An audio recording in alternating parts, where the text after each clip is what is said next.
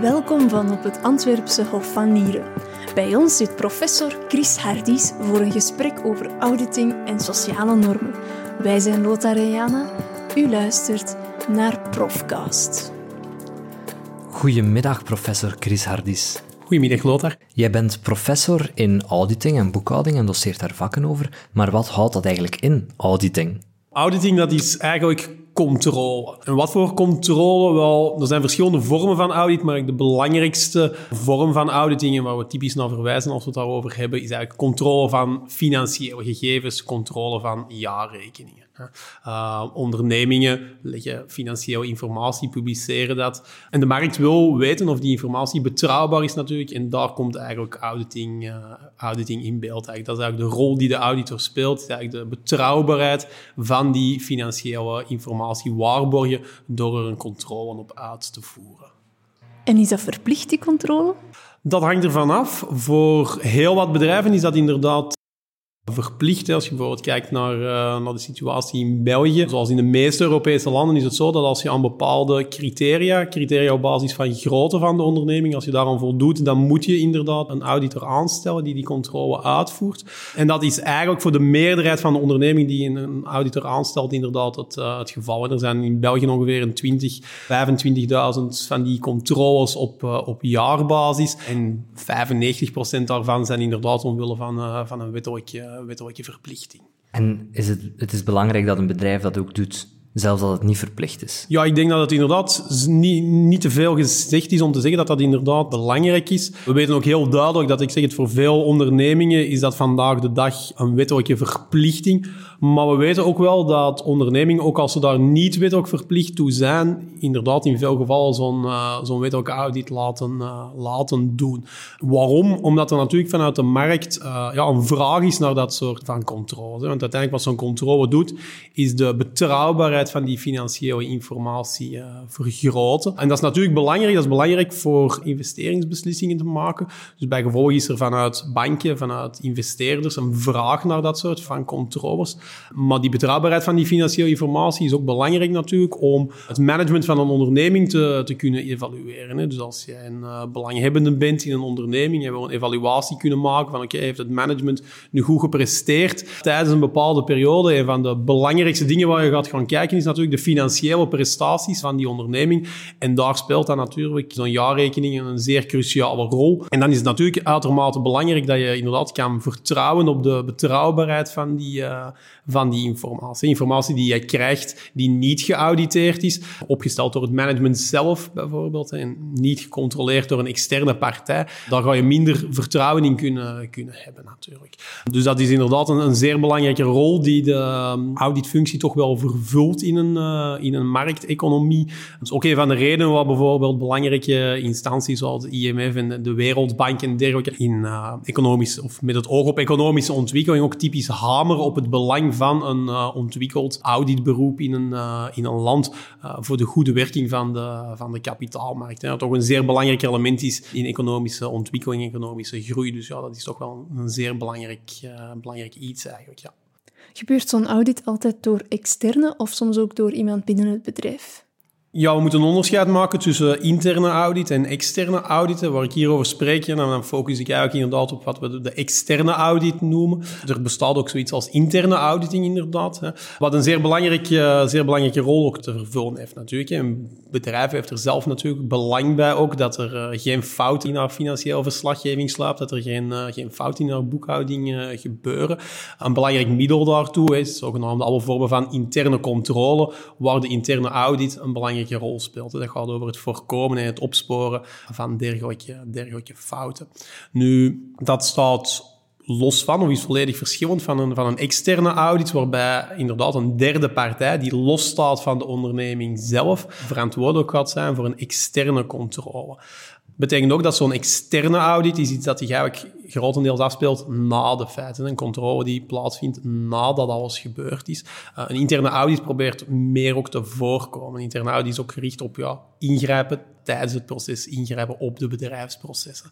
Een externe audit vindt meer plaats ja, nadien. is een controle van de, van de tweede orde eigenlijk die nadien gaat, uh, gaat plaatsvinden. En dat is wel belangrijk, om natuurlijk het cruciale bij een externe audit is onafhankelijkheid. Je wil inderdaad dat mensen die onafhankelijk zijn van de onderneming een controle gaan uitvoeren inderdaad van die, uh, van die financiële informatie. natuurlijk, als die onafhankelijkheid er niet is, ja, dan ga je natuurlijk niet dat betrouwbaarheidsverhogende effect hebben natuurlijk. Hè. Je hebt ook al onderzoek gedaan naar hoe je als bedrijf best zo'n externe auditor aanstelt. En hoe doe je dat best als bedrijf? Je, hoe begin je daar eigenlijk aan? Want er zijn veel externe auditors. Uh, je zegt er zijn veel externe auditors. Nu, dat, dat valt op zich wel mee. Als we kijken naar de auditmarkten, zie je zien dat dat eigenlijk een zeer geconcentreerde, geconcentreerde markt is. Hè. Er zijn eigenlijk vier heel grote kantoren, hè, de zogenaamde Big Four. EY, PwC, Deloitte, KPMG, die iedereen ook wel kent van in het straatbeeld. Hè. Dat zijn gigantische ondernemingen die overal in de wereld tegenkomt. Hè. Die zijn vergelijkbaar qua grootte ook met uh, grote bedrijven zoals Microsoft en Coca-Cola en zo. Dus dat zijn echt mastodonten. Je hebt een aantal nog wat, wat kleinere bedrijven en daar houdt het zo'n beetje op. Je hebt nog heel veel heel, heel, heel kleine spelers in die, uh, in die auditmarkt. Maar je hebt eigenlijk een best wel interessante structuur met een aantal zeer grote spelers. En dan een heel aantal heel wat kleinere spelers. Maar er is een gigantische kloof in grootte tussen de echt grote en de echt, uh, echt kleine spelers. Dat is bijvoorbeeld helemaal anders als je dat vergelijkt met uh, markt voor juridische dienstverlening. Je hebt grote advocatenkantoren, maar die vallen eigenlijk in het niets als je die vergelijkt met die grote accountingkantoren. Bovendien is bijvoorbeeld de markt voor juridische dienstverlening ook veel egaler verspreid. Het verschil tussen het grootste advocatenkantoor in de wereld en het honderd grootste in de wereld dat is ongeveer een factor 10. Terwijl in de accountingmarkt is het verschil tussen de grootste en de vijfde grootste al een factor 10. Dus het verschil tussen de grootste en de 100 grootste is een factor een miljoen ongeveer. Dus je hebt eigenlijk niet zo heel veel keuze in die, uh, in die accountingmarkt. Eigenlijk. Hoe maak je dan die beste keuze? Wel, dat gaat voor veel ondernemingen een zeer beperkte keuze zijn eigenlijk, omdat je maar een beperkt aantal aanbieders hebt. Bovendien is het zo dat voor zeer grote ondernemingen in elk geval zo, dat je inderdaad ook niet veel meer keuze hebt dan één van die echt grote nemen. Want als je een multinational bent en je bent zelf actief in 100 landen, ja, dan kan je natuurlijk geen accountingkantoor onder de arm nemen dat zelf alleen maar in Europa actief is, bijvoorbeeld. Dan heb je inderdaad een auditor nodig die in verschillende landen in de wereld actief kan zijn om daar jouw dochterondernemingen uh, te controleren en dergelijke, dergelijke meer.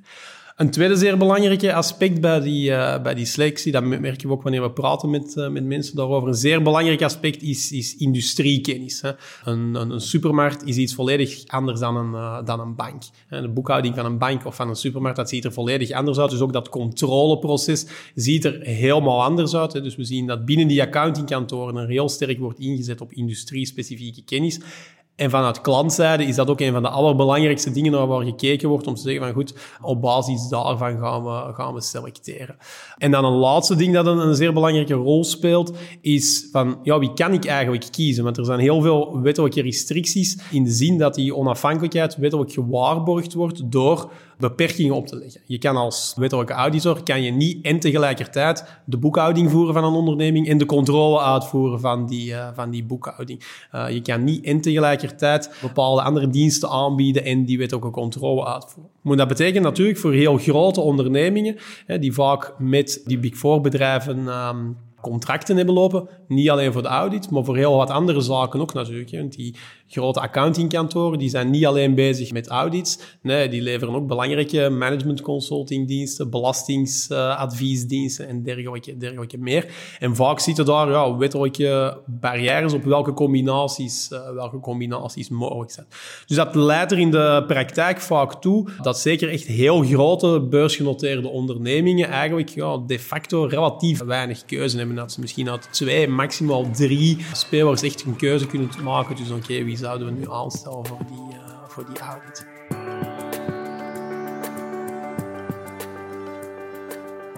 Je bent van opleiding uh, ja, specialist in accounting, neem ik aan. En toch doe je ook onderzoek naar seksuele intimidatie op de werkvloer. Hoe ben je op dat onderzoekstopic uitgekomen?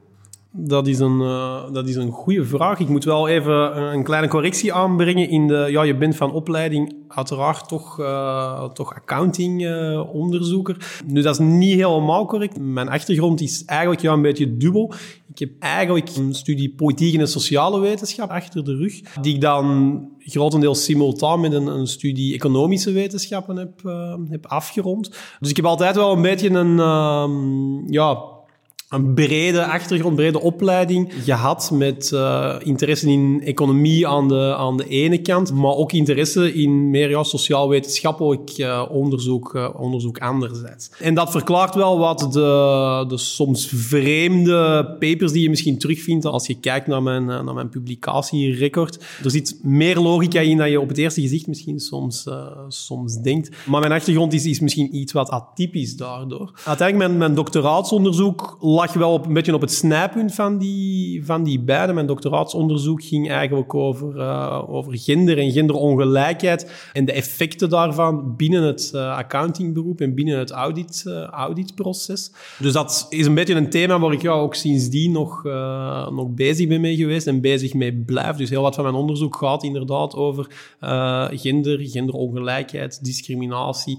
Af en toe ook wat ja, verwante onderwerpen zoals seksuele intimidatie op de, eh, op de werkvloer. Nu, die interesse gaat op zich al, al, al lang terug. Is altijd moeilijk te identificeren waar interesses oorspronkelijk helemaal van uh, vandaan komen.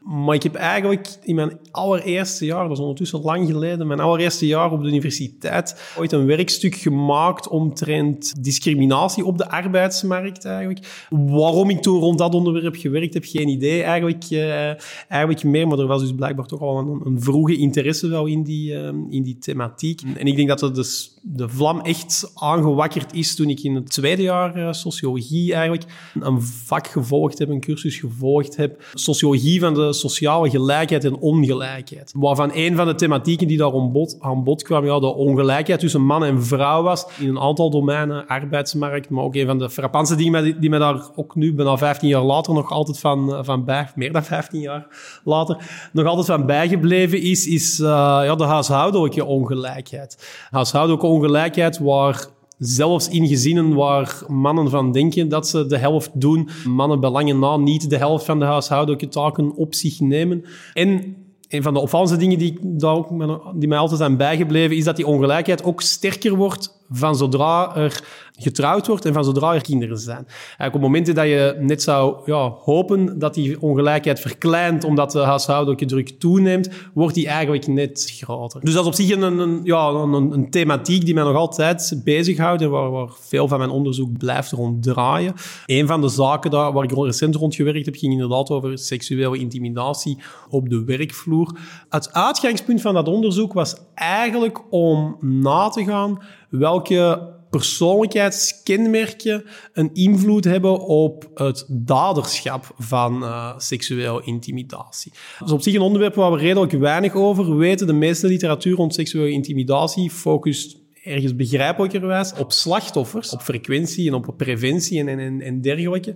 En eigenlijk is er vrij weinig aandacht in de literatuur, is er vrij weinig geweten over daderschap, over onder de omstandigheden waarin mensen zich bezondigen aan, uh, aan seksuele intimidatie.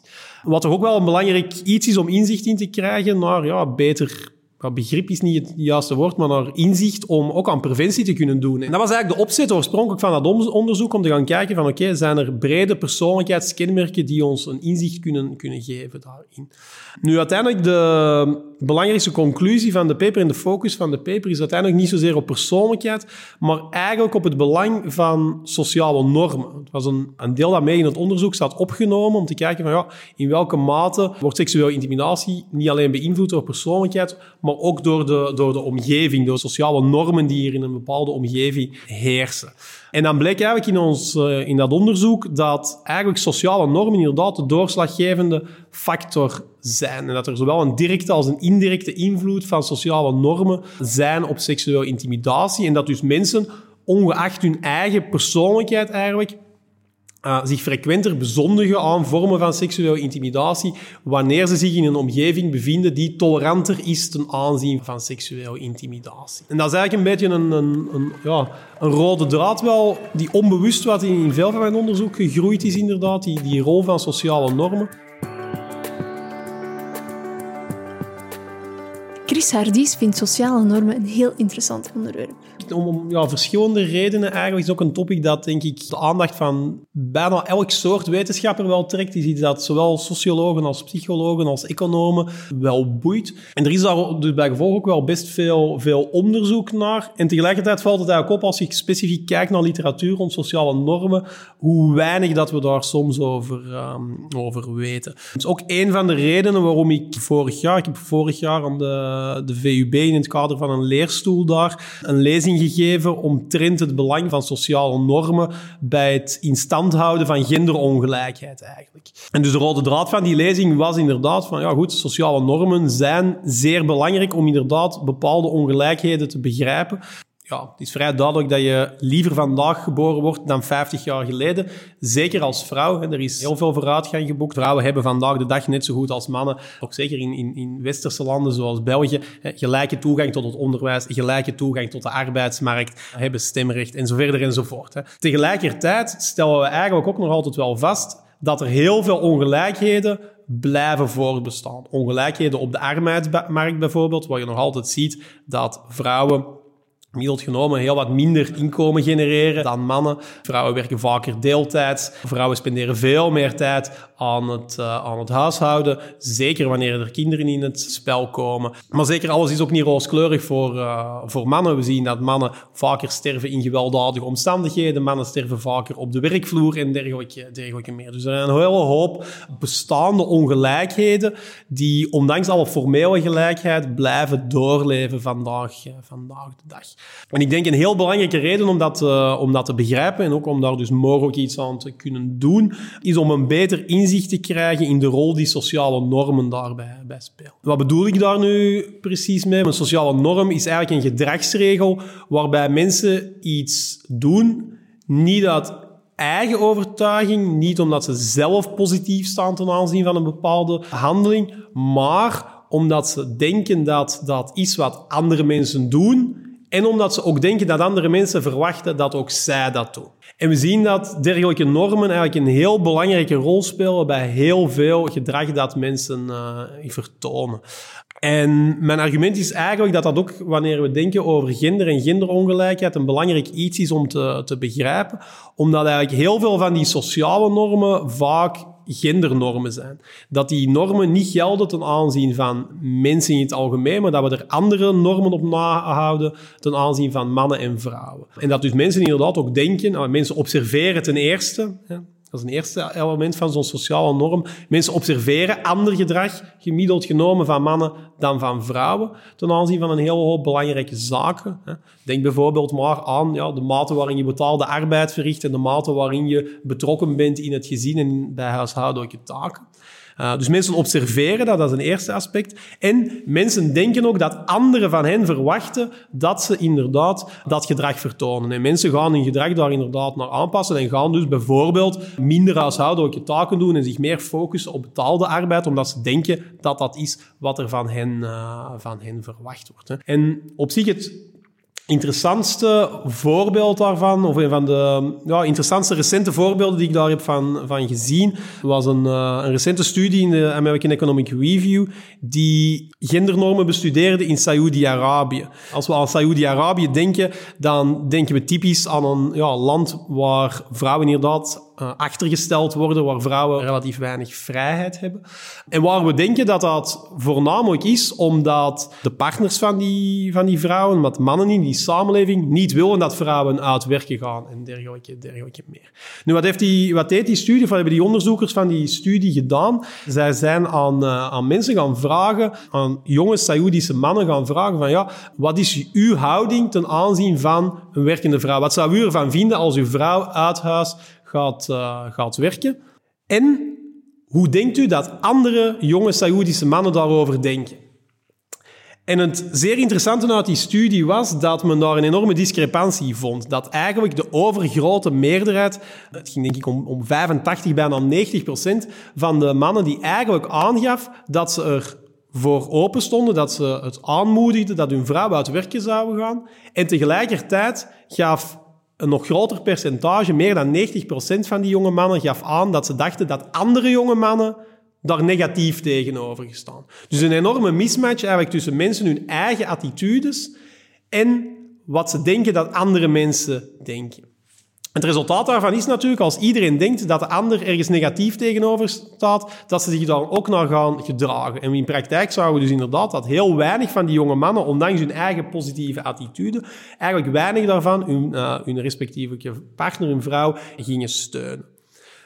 Wat de studie dan nog eens echt interessant maakt, was dat de onderzoekers niet op dat punt gestopt zijn, maar eigenlijk zijn gestart met het corrigeren van die mispercepties. Dat ze bij een deel van de respondenten die ze bevraagd hadden, eigenlijk juiste informatie zijn gaan aanleveren. En dat ze tegen die respondenten hebben gezegd van, kijk, u staat positief daar tegenover en u denkt dat u alleen bent, maar eigenlijk bent u helemaal niet alleen. Eigenlijk is er een heel grote groep, een ruime, ruime meerderheid van andere jonge Saoedische mannen die er net zo over denkt als u.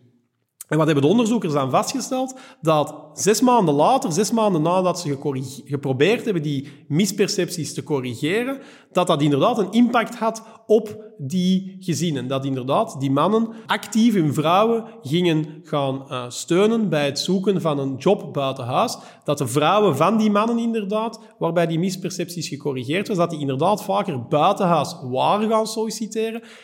En er waren bovendien spillover-effecten, want die vrouwen waren ook vaker een rijbewijs gaan halen in de zes maanden volgende op die, uh, op die periode.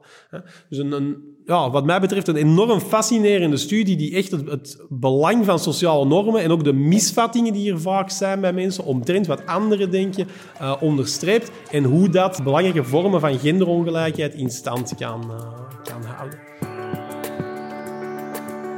Professor Chris Hardis heeft een uitgesproken interesse in metawetenschap. Well, metawetenschap gaat eigenlijk over de vraag hoe doen we aan wetenschap. Dus dat is alles dat te maken heeft met wetenschappelijke methodiek, met wetenschapsfilosofie, uh, met vragen zoals ja, wat zijn de best mogelijke onderzoeks, uh, onderzoeksmethodes, hoe kunnen we causaliteit identificeren en aanverwante, aanverwante kwesties. Dat is op zich een, een, een topic dat me altijd al wel in zekere mate aangetrokken heeft, al ver van in mijn studententijd eigenlijk. En dat alsmaar belangrijker wordt, of dat misschien eigenlijk, ja, ik denk dat metawetenschappelijk onderzoek op dit moment een domein is dat veel aandacht krijgt van, van wetenschappers. Grotendeels de gevolgen van de, de, de replicatiecrisis die uh, ondertussen een uh, kleine tien jaar achter ons ligt. Hè. Wat, uh, wat was dat, die replicatiecrisis?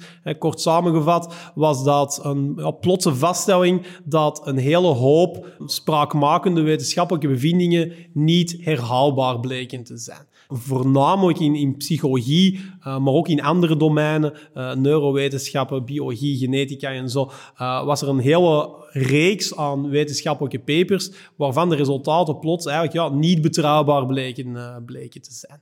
En ja, ik denk dat er een, een, een omgekeerde relatie is tussen de mate waarin, er, waarin wetenschappelijk onderzoek goed verloopt en de interesse in, in, in metawetenschap. En op dit moment is er denk ik heel veel interesse in, in metawetenschappelijk onderzoek, omdat we inderdaad het voorbije decennium hebben vastgesteld uh, en hebben geleerd dat veel van de, de standaard methoden die we toepassen om tot wetenschappelijke conclusies te komen, ons vaak ja, al te snel tot conclusies leiden die achteraf bekeken niet juist blijken, uh, niet juist blijken te zijn. Zoals bijvoorbeeld?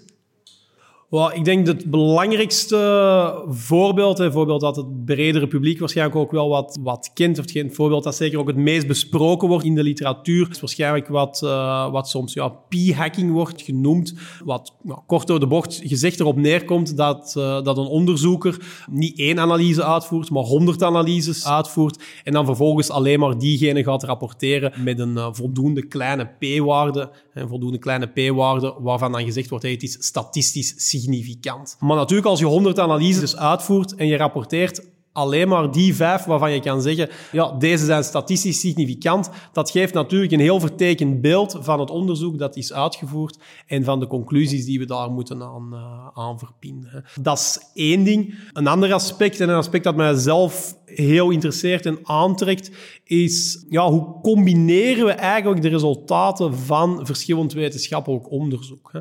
En dat is op zich iets dat me heel sterk fascineert, omdat dat het uh, punt is waar de vertaalslag van wetenschappelijk onderzoek naar breed publiek en in termen van wetenschapscommunicatie vaak op zijn limieten botst. Je ziet dat heel sterk in hoe de media typisch omspringen met wetenschappelijke publicaties bijvoorbeeld. Als je kijkt naar rapporteringen in de media over wetenschappelijke publicaties, dat gaat bijna altijd over de resultaten van één specifieke studie waarbij er gezegd wordt van ja, wetenschappelijke studie X heeft dit of dat gevonden of heeft uh, zus of zo aangetoond. Hè.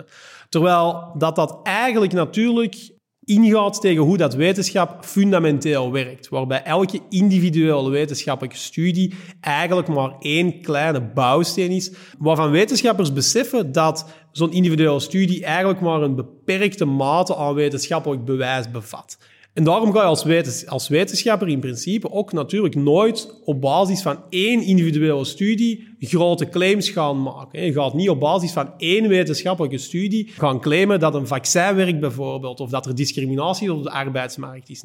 Wetenschappelijke claims komen tot stand door verschillend wetenschappelijk bewijsmateriaal bij elkaar samen te brengen. dat is typisch wat er bijvoorbeeld gebeurt in systematische literatuurstudies of in meta-analyses. Helaas is dat echter niet hoe dat de media typisch rapporteert over, um, over wetenschappelijk onderzoek. En ik steek onmiddellijk ook de hand in, in eigen boezem. Helaas is dat al te vaak ook niet hoe dat wij zelf als wetenschappers altijd communiceren over wetenschappelijk onderzoek. Hè. Want het is natuurlijk heel fijn als iemand vraagt naar jouw wetenschappelijk onderzoek. En het is bij gevolg heel vaak verleidelijk om inderdaad toch specifiek in te zoomen op ja, de resultaten van je allerlaatste studie, zonder dat dan breder te kaderen in de wetenschappelijke veelheid, in de bestaande wetenschappelijke literatuur, zeg maar. Dit was Profcast met Chris Hardies. Bedankt voor het luisteren. Wil je meer horen? Surf dan zeker naar uantwerpen.be-profcast.